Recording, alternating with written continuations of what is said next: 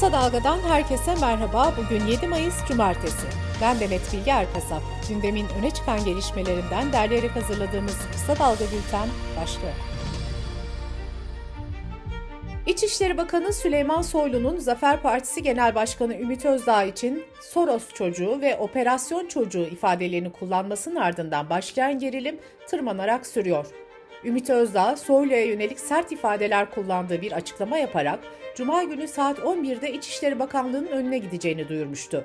Özdağ dün İçişleri Bakanlığı'na gitmek istedi ancak bakanlık yakınlarında polis tarafından durduruldu. Yürüyüşüne izin verilmeyen Ümit Özdağ, Soylu'yu hedef alan sert açıklamalarına devam etti ve partisine komplo kurulduğunu savundu. Süleyman Soylu'ya seslenen Özdağ, bu görevin bittiği zaman sen tutuklanacaksın. Bu iş ikimizden birisi ölene kadar devam edecek ifadelerini kullandı. Bu gerilimin ardından Cumhurbaşkanı Yardımcısı Fuat Oktay ile Hazine ve Maliye Bakanı Nurettin Nebati Soylu'yu ziyaret etti. MHP lideri Devlet Bahçeli de tweet atarak Soylu'ya desteğini yineledi ve Özdağ'a tepki gösterdi. Bahçeli, Ümit Özdağ'ın bakanlığa gitmesini bu pis bir kumpas, bayağı bir tezgah, küstah bir tertip ve beyhude bir çırpınıştır sözleriyle değerlendirdi. AKP Grup Başkan Vekili Bülent Turan şu ana kadar 500 binden fazla Suriyelinin ülkesine geri döndüğünü söyledi. Turan şu açıklamaları yaptı. 1 milyona yakın Suriyeli için şu anda hazırlık yapılıyor. Dönmeye devam edecekler. Konu sadece Suriyeli konusu değil, başka ülkelerden de, batıdan da, doğudan da burası bir güzergah. Bunun bedelini maalesef ödüyoruz. CHP sözcüsü Faik Öztrak ise Bakan Soylu'nun Özdağ'la ilgili sözlerine tepki gösterdi. Öztrak, hiçbir şekilde kabul edilemez. Tam bir rezalet kınıyoruz. Onu oraya atayan kişi artık gereğini yapmalıdır, dedi.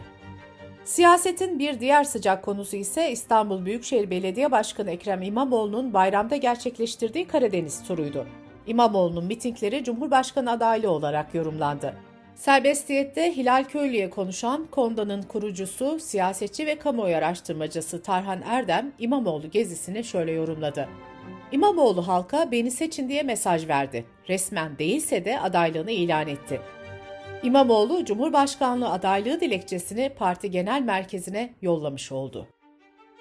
Peki CHP Genel Merkezi'nde bu konuyla ilgili durum ne? Kısa Dalga Ankara muhabiri Mahmut Aydın'ın aktardığına göre Genel Merkez İmamoğlu'nun Karadeniz gezisini yakın takip aldı. İl ve ilçe yöneticilerinden İmamoğlu'nun gezisi hakkında rapor istendi. İmamoğlu'nun davetlisi olarak geziyi izleyen Ertuğrul Özkök, Akif Beki ve Nagihan Alçı'ya yönelik sosyal medyada yer alan tepkilerde CHP kurmaylarının gündeminde. Kulislere göre CHP Genel Merkezi, Ekrem İmamoğlu'nun dolaylı da olsa ilk kez Cumhurbaşkanı adaylığını ilan ettiğini düşünüyor.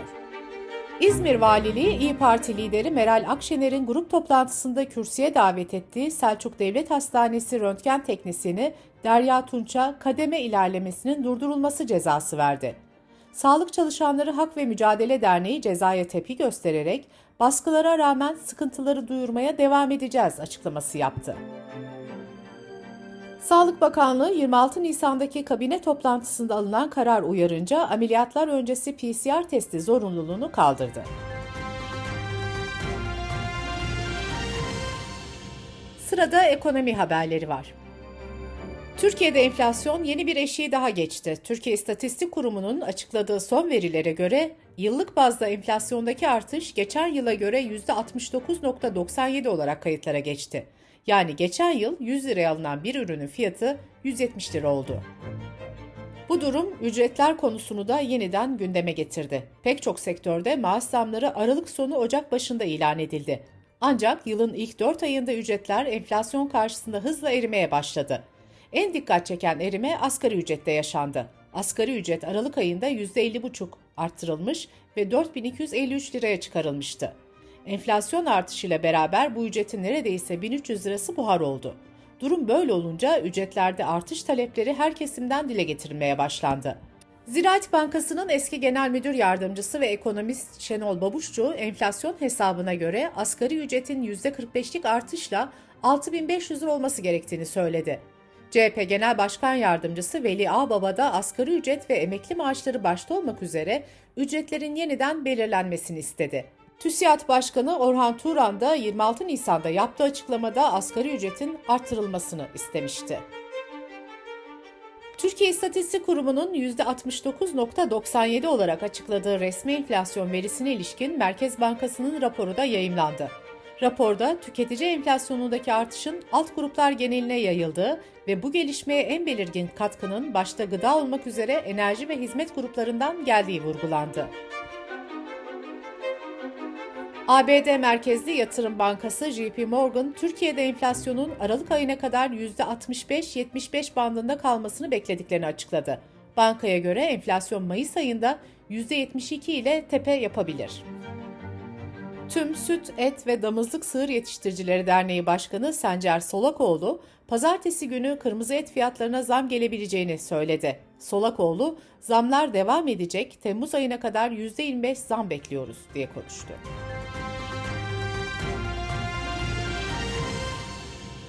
Dış politika ve dünyadan gelişmelerle kısa dalga bültene devam ediyoruz.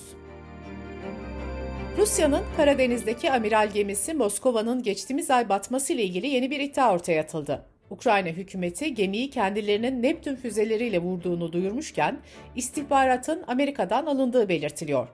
Pentagon konuyla ilgili açıklama yapmaktan kaçındı. Bir sözcü ABD'nin Ukrayna'ya kendisini savunması için istihbarat verdiğini söylemekle yetindi. Rusya'nın Ukrayna'ya yönelik saldırıları devam ederken Tokyo'dan Moskova'ya yeni yaptırım kararı geldi. Japonya Başbakanı 140 Rus vatandaşının mal varlıklarını donduracaklarını açıkladı. Başbakan askeri bağlantılı yaklaşık 70 Rus kuruluşun da ihracat yasağı listesine ekleneceğini ifade etti.